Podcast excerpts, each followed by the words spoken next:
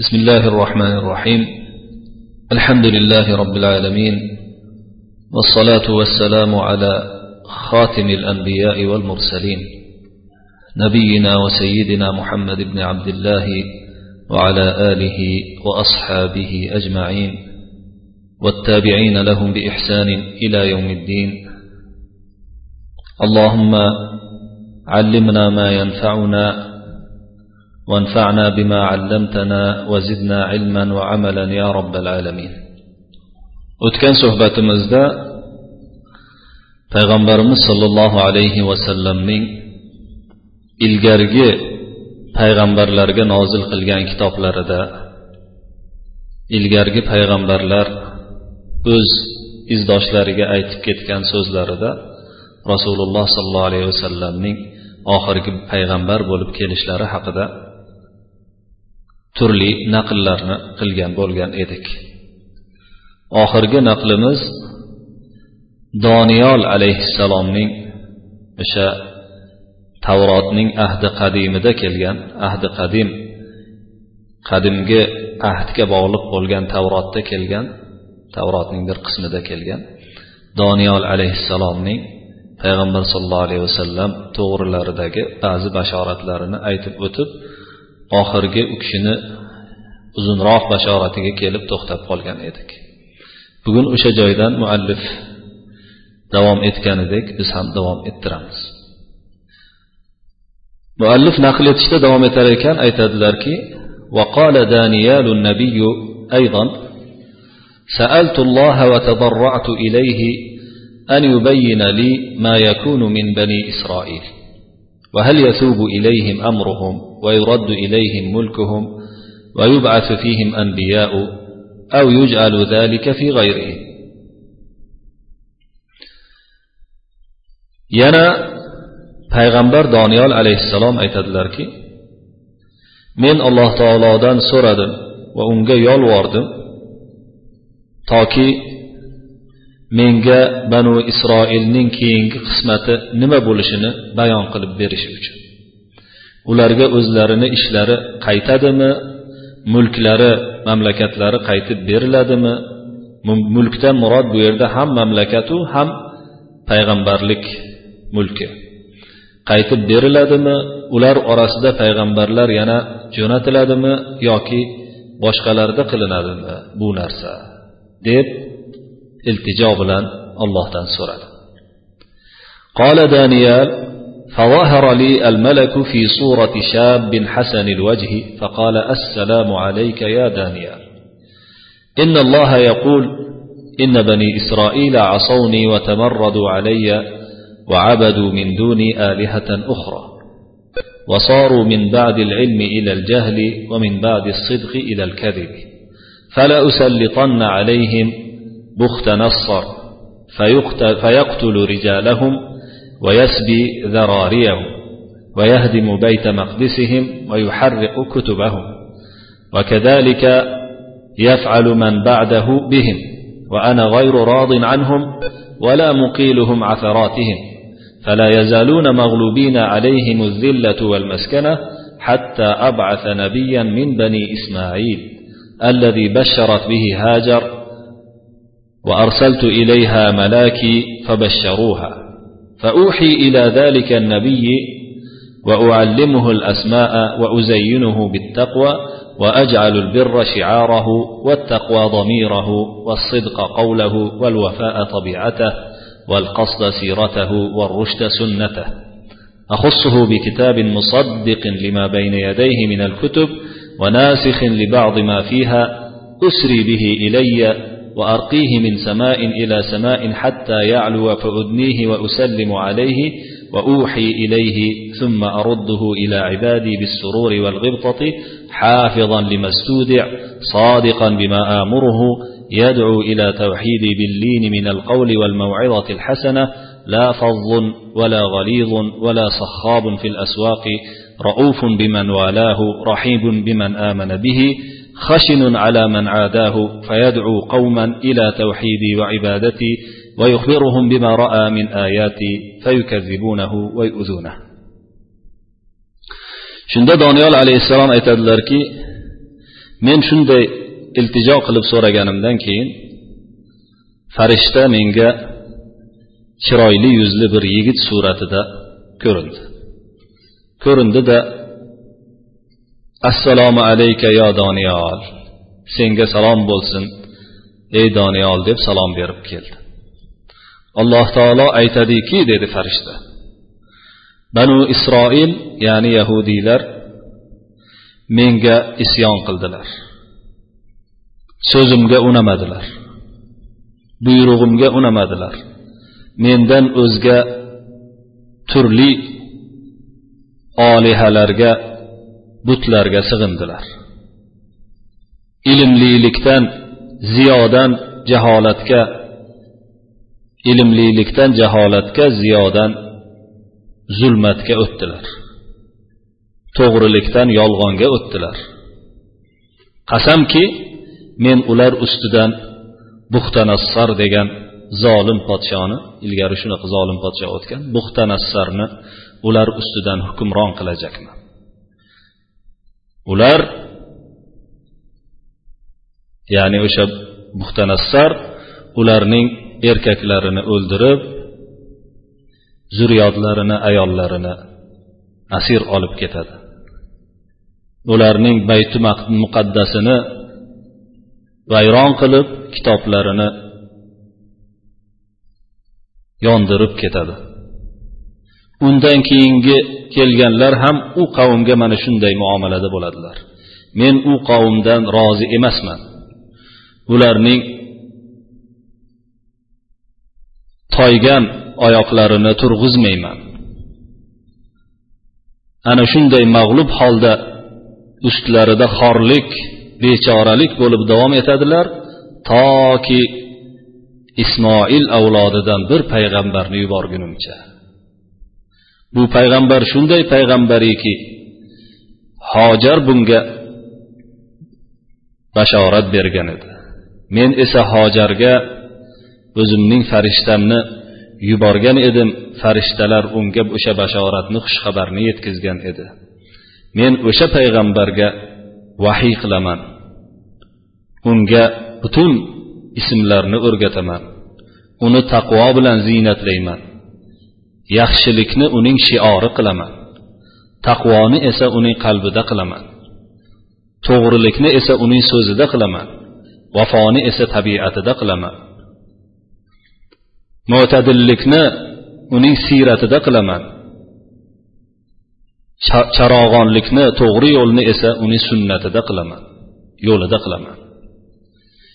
Unga shunday bir kitob beramanki uni shunday kitob bilan xoslaymanki o'sha kitob o'zidan ilgargilar o'zga o'zidan ilgargi kitoblar kitoblarni tasdiqlovchi bo'ladi. O'zidan ilgargi kitoblarni tasdiqlab o'zidan ilgari kelgan kitobdagi ba'zi hukmlarni nosih qiladigan mansux qiladigan kitob bo'ladi. Men u zotni u payg'ambarni o'zimga isro qildiraman.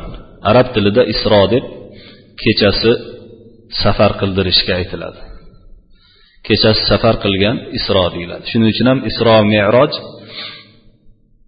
payg'ambarimiz sollallohu alayhi vasallamga mo'jiza tariqasida alloh subhanava taolo tarafidan berilgan katta bir mo'jiza bir kechani o'zida baytul muqaddasga borib o'sha yerdan osmonga ko'tarilganlar.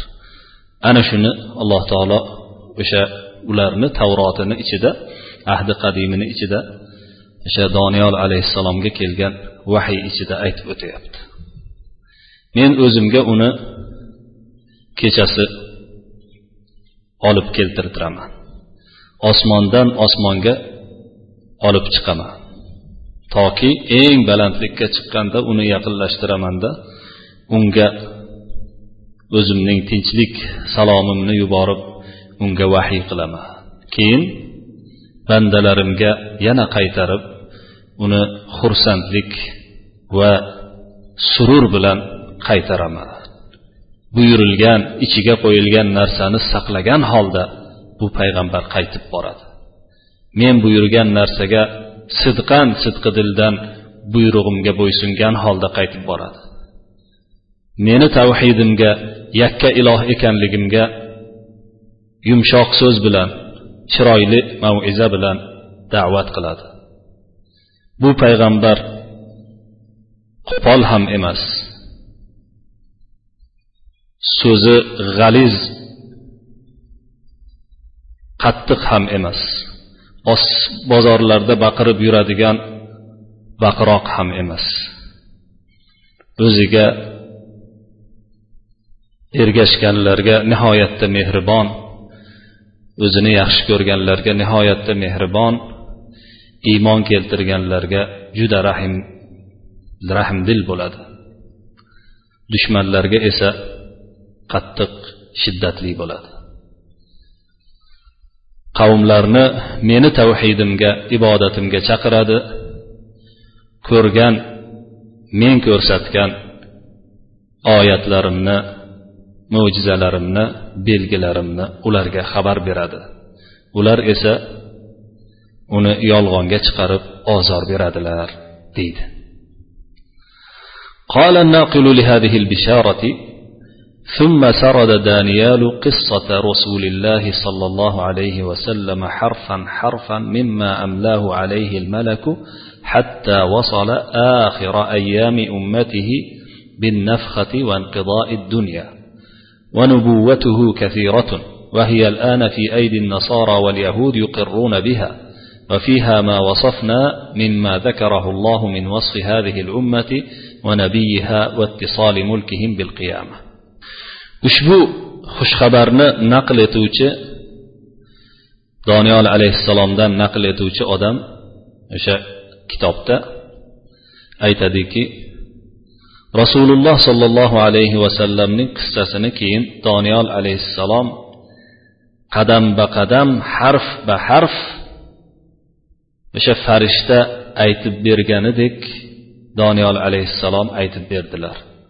To o'sha payg'ambarning oxirgi payg'ambarning oxirgi ummat payg'ambar ummatining oxirgi kunlaridagi o'sha qiyomat payti dunyoning oxiri tugashigacha bo'ladigan voqealarni sifatlab berdilar. Bu payg'ambarning bashoratlari ya'ni doniyol alayhissalomning payg'ambar sollallohu alayhi vasallam to'g'risidagi bashoratlari juda ko'pdir.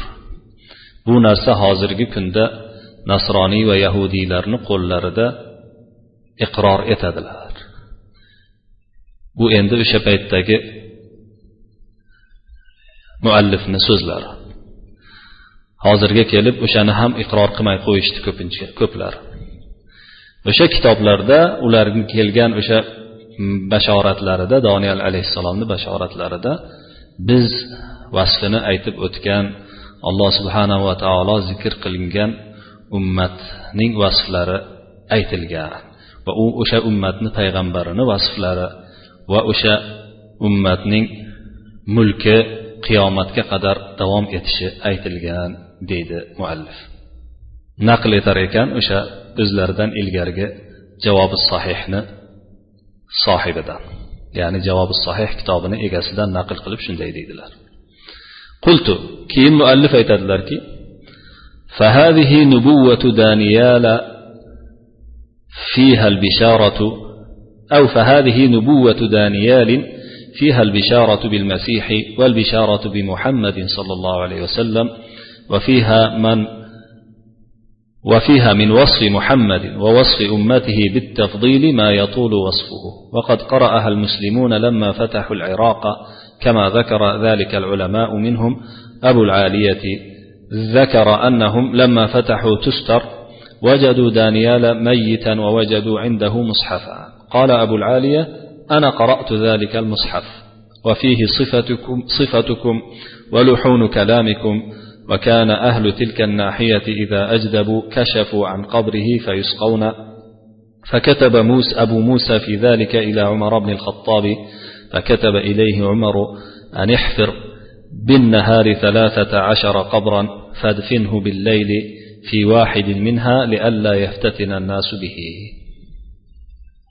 Muallif aytadilarki ushbu doniyol alayhissalomni xushxabarlari bashoratlari bashoratlarida masih alayhissalomga ham kelishlariga bashorat hamda undan keyin muhammad sollallohu alayhi vasallamni kelishlariga bashorat navbat bilan yozilgan edi. Bunda muhammad sollallohu alayhi vasallamni vasflaridan ummatini vasflaridan juda mufassal ravishda bittafsil hozirgi paytda hozirgi fursatda gapirsak cho'zilib ketadigan darajada aytilgan. Musulmonlar buni iroqni fath qilganlarida o'qishgan. Ko'pchilik ulamolar buni zikr qilishadi. Shularni ichida tobeinlardan bo'lgan abul aliya degan katta mashhur alloma payg'ambar sallallohu alayhi vasallamni sahobalarini ko'rib qolgan kishi zikr etadilar. Aytadilarki ular iroqdagi tustar shahrini fath qilganlarida doniyol alayhissalomni qabrlarini ochilib qolganligini ko'rdilar.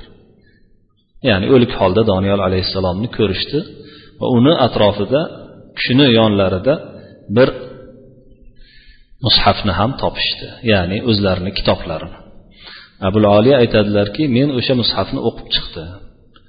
Unda sizlarni sifatlaringiz gaplaringizni hatto lahjalari o'sha joydagi kishilar o'sha joydagi kishilar ya'ni o'sha tuslardagilar qurg'oqchilik bo'lib qolsa o'sha qabrni kelib ochishardida shunda ularga yomg'ir berilardi deydi. Abu muso ashariy roziyallohu anhu bu payg'ambarni qabri ochilib qolganligi to'g'risida umar ibn hattobga keyin maktub jo'natdilar. Shunda umar ibn hattobdan buyruq keldiki maktub kunduz kuni o'n uchta qabr qazdiring turli joyda. Keyin kechasi o'sha qabrlardan biriga ko'mib yuboringlar u kishini dedilar. Shunday dedilar toki odamlar bu payg'ambar bilan fitnalanib qolmasliklari uchun deb naql etadilar bu naqlni imom bayhaqiy o'zlarini daloillarida imom ibn kasir o'zlarini bidoya va nihoyalarida ham keltiradilar وعن جبير بن مطعم قال لما بعث الله نبيه فظهر امره بمكه خرجت الى الشام فلما كنت ببصرى اتتني جماعه من النصارى فقالوا لي امن الحرم انت قلت نعم. قالوا أفتعرف هذا الذي تنبأ فيكم؟ قلت نعم. قال فأخذوا بيدي فأدخلوني ديرا لهم فيه تماثيل. فقالوا لي انظر هل ترى صورة هذا النبي الذي بعث فيكم؟ فنظرت فلم أرى صورته قلت لا أرى صورته. jubayr ibn mutaim roziyallohu anhudan rivoyat qilinadiki u kishi kechroq musulmon bo'lgan kishilardan hisoblanadilar. Aytadilarki alloh subhanahu va taolo o'zini payg'ambarini yuborgan vaqtda ya'ni muhammad sallallohu alayhi vasallamda muhammad sallallohu alayhi vasallamni payg'ambar qilib yuborgan vaqtda uni ishi makkada zohir bo'la boshlagach men shom tarafga safar qildim. Ya'ni hali musulmon bo'lmasdan busro shahriga yetganimda nasroniylardan bir to'pi meni oldimga keldida sen haram tomondanmisan? deb so'radi. O'sha paytda ham makka haram deb atalgan. Haram ahlidanmisan? dedi. Ha men haram ahlidanman dedi. Shunda oralaringda payg'ambarlikni davo qilgan odamni taniysanmi? deb so'rashdi. Ha taniyman dedim. Shunda qo'limdan ushlab bir ibodatxonaga kirgizishdi. O'zlarini bir ibodatxonasiga monastiriga kirgizishdi. Unda turli timsollar haykallar bor edi. Suratlar bor edi afvan shunda menga aytishdiki qaragin mana shu suratlarga. O'sha shu suratlarni ichida oralaringda chiqqan o'sha payg'ambarni suratini ko'rasanmi? Qarab chiqdim kishini suratlarini ko'rmadim yo suratini ko'rmayapman dedim.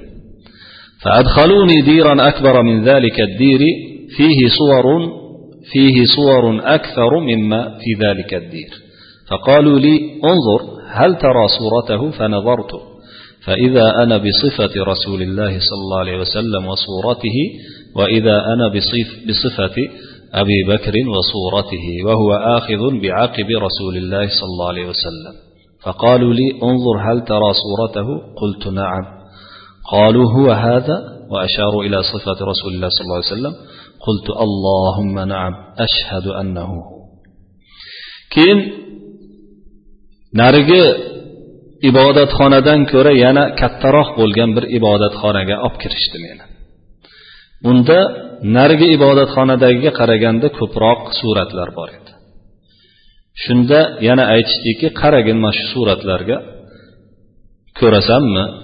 dedi. Qaradim qarasam ne ko'z bilan ko'rayki rasululloh sollallohu alayhi vasallamni sifatlari bilan shunday ko'z o'ngimda surati turibdi. Qarasam yonlarida abu bakrni ham surati turibdi. U rasululloh sollallohu alayhi vasallamni etaklarini ushlab turgan holda.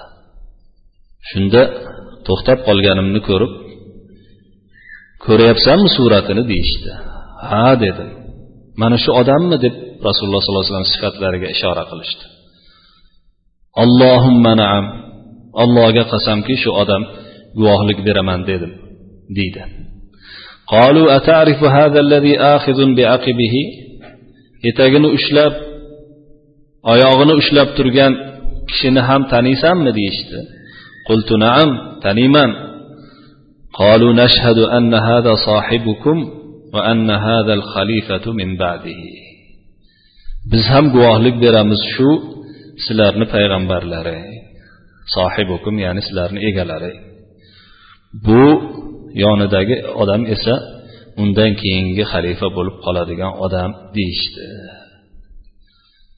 buni imom buxoriy ham o'zlarini tarix kitoblarida keltiradilar lekin qisqa ravishda qisqa ravishda ravohul buxoriy fi tarixihi tarix kabir degan kitoblari bo'lgan katta tarix degan u kitobda keltiradilar قال الذي أراه الصور لم يكن نبي إلا كان بعده نبي إلا هذا النبي imom buxoriyda keladiki o'sha tarixda tarix kitoblarida o'sha suratni ko'rsatgan odam jubayr ibn mutimga qarab biron bir payg'ambar o'tmaganki orqasidan payg'ambar kelmagan bo'lsa faqat mana shu payg'ambar bundan mustasno deb payg'ambar sallallohu alayhi vasallamni suratiga ishora qildi deydi ورواه أبو نعيم في دلائل النبوة buni abu nuaym o'zlarini daloili nubuva kitoblarida ham keltirganlar deydi muallif undan tashqari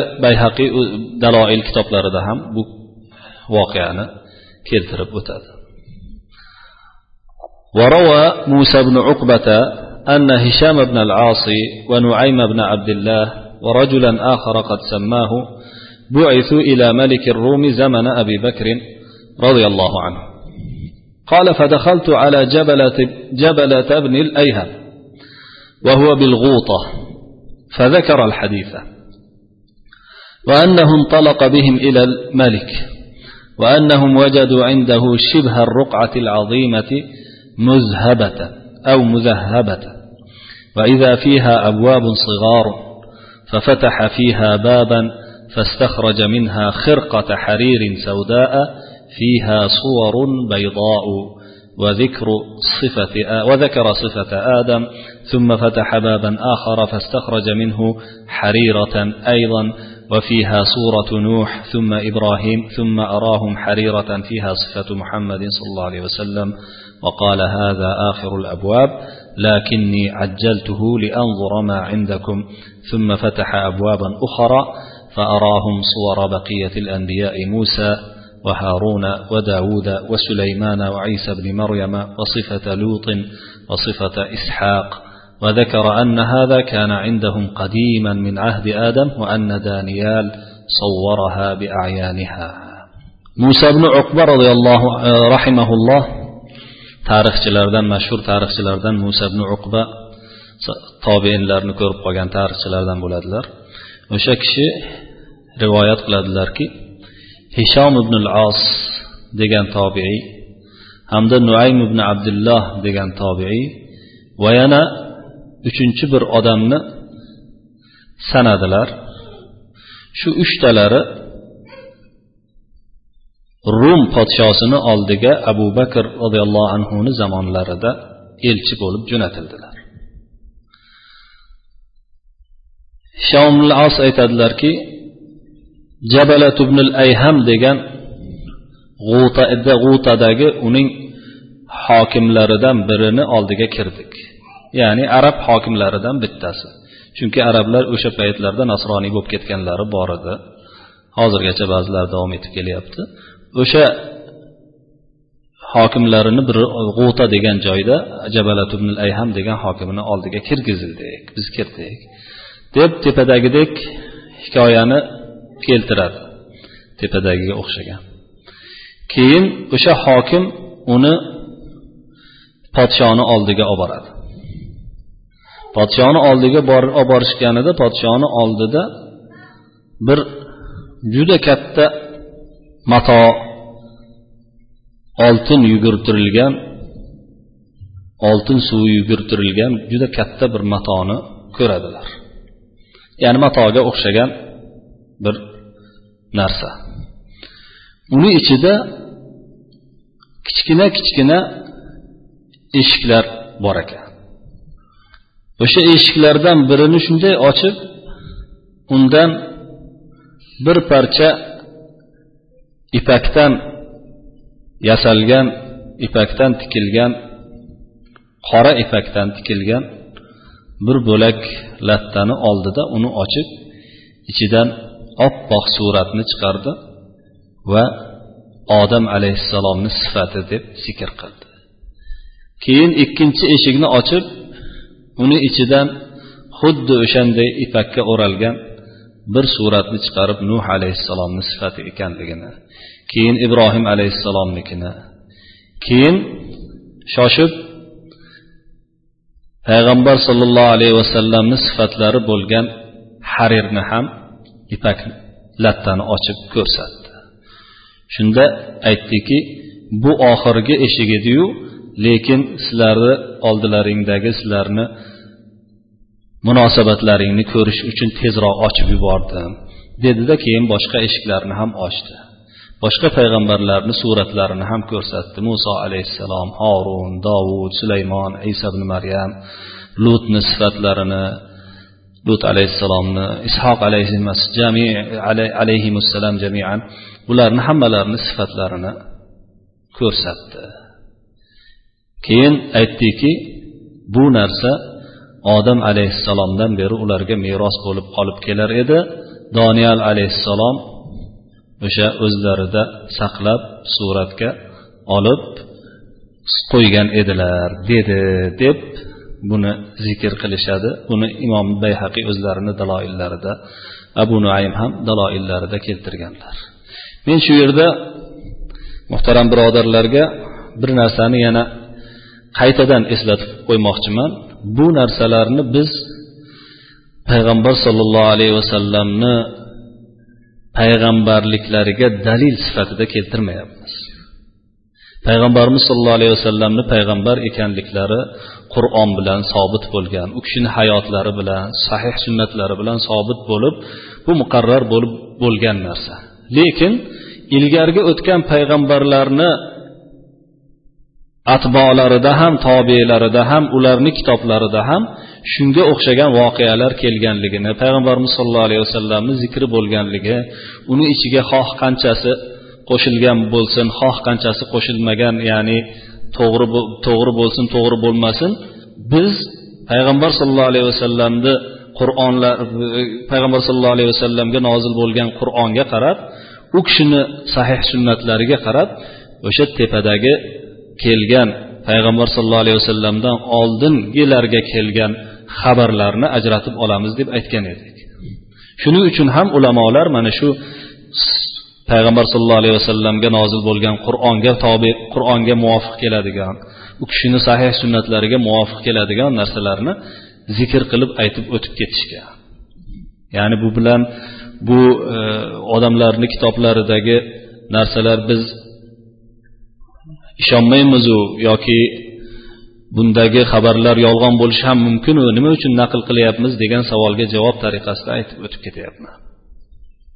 وروي مثل هذا عن المغيرة بن مغيرة بن شعبة رضي الله عنه أنه لما دخل على المقوقس ملك مصر والإسكندرية أخرج له صور الأنبياء فأخرج له صورة نبينا صلى الله عليه وسلم فعرفها.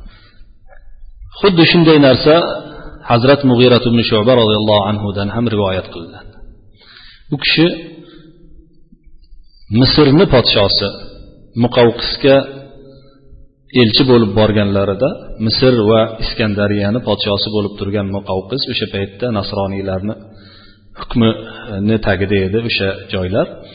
Muqavqisga kirganlarida muqavqis unga payg'ambarlarni suratlarini chiqarib o'shalarni ichidan payg'ambarimiz sollallohu alayhi vasallamni suratini ham chiqarib ko'rsatgan va buni mug'irat ibn shaba shuba roziyallohu anhu tanigan edilar deb rivoyat qilinadi deydilar muallif. Buni bu rivoyatni imom bayhaqiy o'zlarini daloili nubuva kitoblarida keltirganlar. Mana shu yerga kelib payg'ambarimiz sollallohu alayhi vasallamning payg'ambarliklari to'g'risidagi ilgargi kitoblar bergan xabari degan unvon shu yerga kelib tugaydi bundan keyin muallif boshqa masalaga o'tadilar ذكر حدوث الرمي وإنذار الكهان برسول الله صلى الله عليه وسلم payg'ambar sollallohu alayhi vasallam kelishlaridan oldinroq jinlarga tepadan yuqoridan osmondan toshlar otilishi voqealari hamda kohin folbinlarning rasululloh sollallohu alayhi vasallamni kelishlarini qo'rqib hammaga xabarini tarqatishi deb tema yozganlar buning ham bir qismini hozir aytib o'tib ketamiz qolgan qismini keyingi suhbatimizda inshaalloh davom ettiramiz muallif aytadilarki قال ابن إسحاق وكانت الأحبار من اليهود والرهبان من النصارى والكهان من العرب قد تحدثوا بأمر رسول الله صلى الله عليه وسلم قبل مبعثه بما تقارب من زمانه. أما الأحبار من اليهود والرهبان من النصارى فعما وجدوا في كتبهم من صفته وصفة زمانه وما كان من عهد أنبيائهم إليهم فيه. وأما الكهان من العرب فتأتيهم به الشياطين من الجن فيما تسترق من السمع إذ كانت وهي لا تحجب عن ذلك بالقذف بالنجوم وكان الكاهن والكاهنة لا يزال يقع منهما ذكر بعض أموره ولا تلقي العرب لذلك فيه بالا حتى بعثه الله ووقعت تلك الأمور التي كانوا يذكرون فعرفوها. ابن إسحاق aytadilarki rahimaulloh yahudlarni ulamolari nasroniylarni rohiblari hamda arab folbinlari payg'ambar sollallohu alayhi vasallamni ishlari ya'ni payg'ambarliklari to'g'risida u kishi payg'ambar bo'lmasidan oldin zamonlari yaqinlashib qolganda gapirib yurar edilar. Yahud va nasorolar ya'ni yahudiylar ulamolariyu nasroniylarni rohiblari ku o'zlarini kitoblarida topgan sifatlari va zamonlarini sifatini gapirar edilar. Va hamda payg'ambarlarining ularga aytib ketgan so'zlari ahdnomalari vasiyatlari haqida so'zlar edilar. Ammo arab folbinlari esa ularga shaytonlar ya'ni jinlardan iborat shaytonlar osmondan ba'zi buyruqlardan eshitganlarini quloq solib o'g'irlab olardilarda olib kelar edilar o'zlarini folbinlariga. Chunki har bir folbinning jini bo'ladi. Bu narsa islomda muqarrar narsa. Ya'ni islom buni inkor e, islom buni borligini tasdiqlaydi. Ya'ni folbin odam jinga bog'lanmasa folbin bo'lolmaydi demak o'sha paytda jinlar o'g'irlab qolgan ba'zi eshitgan narsalarini farishtalarga kelgan buyruqlardan ba'zi eshitganlarini folbinlarga kelib aytib berardilarda nima uchun shunday o'g'irlab qolardilar? Chunki o'sha vaqtlarda yulduzlar orqali toshlar orqali ular toshbo'ron qilinmas otilmas edilar. Ularni to'sig'i yo'q edi bunaqa. Chunki payg'ambarimiz sollallohu alayhi vasallam zamonlari yaqinlashishi payg'ambarliklari yaqinlashishi bilan ularga keyin o'sha shuhublar shihoblar otiladigan bo'ldi. Arablar shihob deydi buni hozirgi zamon tilida meteorit deyishadi. O'sha toshlar otiladigan bo'ldi. Folbinlar qushnochlar xoh ayol bo'lsin xoh erkak bo'lsin ba'zi ishlarni ba'zi voqealarni ya'ni payg'ambarimiz sollallohu alayhi vasallam kelishlari to'g'risida aytib turar edilar. Chunki ularga jin kelar edi jin kelib aytar edi jinlar kelib. Arablar esa bunga parvo qilishmas edi. Alloh subhanahu va taolo payg'ambarimiz sollallohu alayhi vasallamni jo'natdilar jo'natdi. O'sha payg'ambarimiz sollallohu alayhi vasallamni jo'natganidan keyin o'sha folbinlar aytayotgandek bo'lib voqea bo'lgandan keyin payg'ambarimiz sollallohu alayhi vasallam payg'ambar bo'lib kelganlaridan keyin o'sha folbinlarni o'sha yuqoridagi osmondan jinlari ba'zi narsalarni o'g'irlab topganligini bilib olishdi. فلما تقارب زمان رسول الله صلى الله عليه وسلم وحضر مبعثه حجبت الشياطين عن السمع وحيل بينها وبين المقاعد التي كانت تقعد لاستراق السمع فيها فرموا بالنجوم. فعرفت الشياطين والجن أن ذلك لأمر حدث من أمر الله. payg'ambar sollallohu alayhi vasallamni zamonlari yaqinlashib kelgan vaqtda hamda payg'ambar bo'lishlari hozir bo'lib qolgan vaqtda kelishlaridan sal ilgari shaytonlar ya'ni jinlar o'shanaqa eshitish imkoniyatidan to'silib qo'yildi. Mahrum bo'ldilar. Ular bilan o'sha osmonni bir chekkasida o'tiradigan o'rinlari o'rtasida to'siq hosil bo'ldi. Osmonni bir chekkasiga o'tirib olib o'sha farishtalarga yetadigan yoki farishtalar bir biriga aytadigan so'zlarni bular quloq solib bilib olishar edi. Shu joylarga bular yetib bormasdan ularga toshlar o'sha shuhublar otiladigan bo'ldi meteoritlar. Shunda shaytonlar va jinlar bilishdiki bu narsa alloh subhanava taoloni buyrug'i bilan bir muhim bir ish tufayli ekanligini bilishdi. قال ابن إسحاق وذلك لئلا يلتبس بالوحي وليكون ذلك أظهر للحجة وأقطع للشبهة ibn ishoq keyin o'zlaridan qo'shib qo'yyaptilarki ya'ni bu narsa qilinishiga sabab vahiy sof bo'lib kelishi uchun ularga ular keltirayotgan narsa vahiy bilan aralashib ketmasligi uchun hamda hujjat zohir bo'lib musulmon insonlar ustidan shubhalar kesilishi uchun shunday bo'lgan deb qo'shib qo'yyaptilar qola suhayli keyin siyrani sharhlagan imom suhayli qo'shyaptilarki وما قاله صحيح ولكن القذف بالنجوم قد كان قديما وذلك موجود في أشعار القدماء من الجاهلية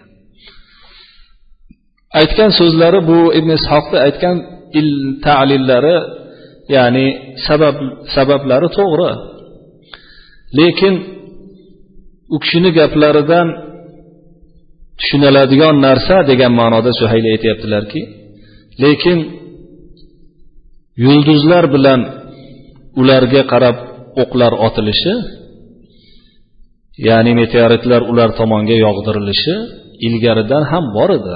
Bu narsa qadimgi johiliy shoirlarni she'rlarida ko'p keladi deydilar وذكر عبد الرزاق في تفسيره عن معمر عن ابن شهاب أنه سئل عن هذا الرمي أكان في الجاهلية قال نعم ولكنه لما جاء الإسلام لما جاء الإسلام غلظ وشدد عبد الرزاق صنعاني degan imom buxoriyni shayxlaridan bittasi yoki shayxlarini shayxlaridan bittasi o'zlarini tafsirlarida mamar ibn roshid degan kishidan u kishi esa mashhur tobiiy ibn shihob zuhriydan rivoyat qilinadi rivoyat qiladiki ibn shihob bir kuni shu to'g'rida so'ralib qoldi u kishiga savol berilib qoldi. Ya'ni o'sha shaytonlarga jinlarga otiladigan toshlar johiliyatda ham bo'lar edimi deganida ha bo'lar ediyu lekin islom kelgandan keyin juda qattiq shiddatli tusga keldi islom kelishidan oldin deydilar. وفي قوله أعوذ بالله من الشيطان الرجيم وأنا لمسنا السماء فوجدناها ملئت حرسا شديدا وشهبا فلم يقل حرست دليل على أنه قد كان منه شيء keyin muallif qo'shib qo'yyaptilarki alloh subhanava taoloning surai jindagi ushbu oyatida biz ya'ni jinlarni tilidan alloh taolo shunday deydi. Musulmon jinlarni tilidan. Biz osmonlarni osmonni paypaslab ko'rdik. Ko'rsak osmonda juda qattiq qo'riqchilar qo'yilgan ekan. Qo'riqchilar bilan to'ldirib qo'yilganligini hamda shihoblar ya'ni o'shanaqa meteoritlar bilan to'ldirib qo'yilganligini topdik deydi surai jinda. Shunda bu muallif aytyaptilarki o'sha yerda to'ldirib qo'yilganligini deyapti. Faqat qo'riqlab qo'yilgan deb qo'ymayapti. Mana shu narsa ilgari ham borligiga dalolat qiladiyu keyin qattiq qilib qo'riqlanganligiga qattiq ko'paytirilganligiga dalolat qiladi deydi muallif. فلما بعث النبي صلى الله عليه فلما بعث النبي صلى الله عليه وسلم ملئت حرسا شديدا وشهبا payg'ambar sallallohu alayhi vasallam payg'ambar bo'lib kelganlarida o'sha otiladigan toshlar ko'paytirilib qo'riqchilar yana ham shiddatli qilib ko'paytirib qo'yildi وذلك لتحسيم أمر الشياطين وتخليطهم ولتكون الآية أظهر والحجة أقطع buni sababi shuki shaytonlar ya'ni jinlarni ishi qattiq tag tomiridan uzilishi ularni tormor etilishi uchun hamda belgilar oyatlar zohirroq hujjat esa keskinroq bo'lishi uchun mana shunday qilindi deyildilar وإن وجد اليوم كاهن فلا يدفع ذلك ما أخبر الله به من طرد الشياطين عن استراق السمع فإن ذلك التغليظ والتشديد كان زمن النبوة ثم بقيت منه عن استراق السمع بقايا يسيرة بدليل وجودهم على الندور في بعض الأزمنة والأمكنة وقد سئل رسول الله صلى الله عليه وسلم عن الكهان فقال ليسوا بشيء ليسوا على شيء.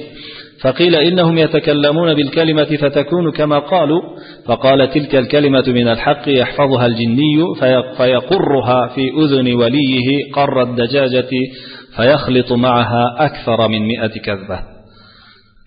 ويروى خز الدجاجة. طيب. keyin muallif aytyaptilarki bugungi kunda garchi folbinlar topilib tursada bu narsa alloh subhanahu va taolo xabar bergan jinlarni o'sha quloq solib qo'yishidan mahrum qilinib jinlar haydalganligini to'g'ri ekanligini inkor etmaydi bu narsa bularni topilishi chunki payg'ambar sollallohu alayhi vasallamni zamonida o'sha qattiq vahiy tushib turgan zamonda qo'riqchilik shiddat juda qattiq bo'lgan edi. Keyin u kishini zamonlari o'tganlaridan keyin u kishini zamonlari o'tganlaridan keyin ba'zi yerlarda va ba'zi zamonlarda juda nodir ravishda o'sha jinlarni o'g'irlashlari ozroq qolgan. Nima uchun? Chunki payg'ambar sallallohu alayhi vasallam bir kuni folbinlar to'g'risida rasululloh sollallohu alayhi vasallamga savol bo'lib qoldi. Shunda aytdilarki ular hech narsani ustida emas ya'ni biron bir narsani ustida emas botil ishlari dedilar. Shunda savol bo'ldiki yana gohida ular gapirib gapirganlari to'g'ri chiqib qoladiyu deyishdi. Shunda payg'ambar sallallohu alayhi vasallam aytdilarki o'sha to'g'ri chiqib qolgan bitta gapni jinni yodlab olgan bo'ladida jin jin o'sha jin yodlab olgan bo'ladida o'zini yerdagi do'stini qulog'iga xuddi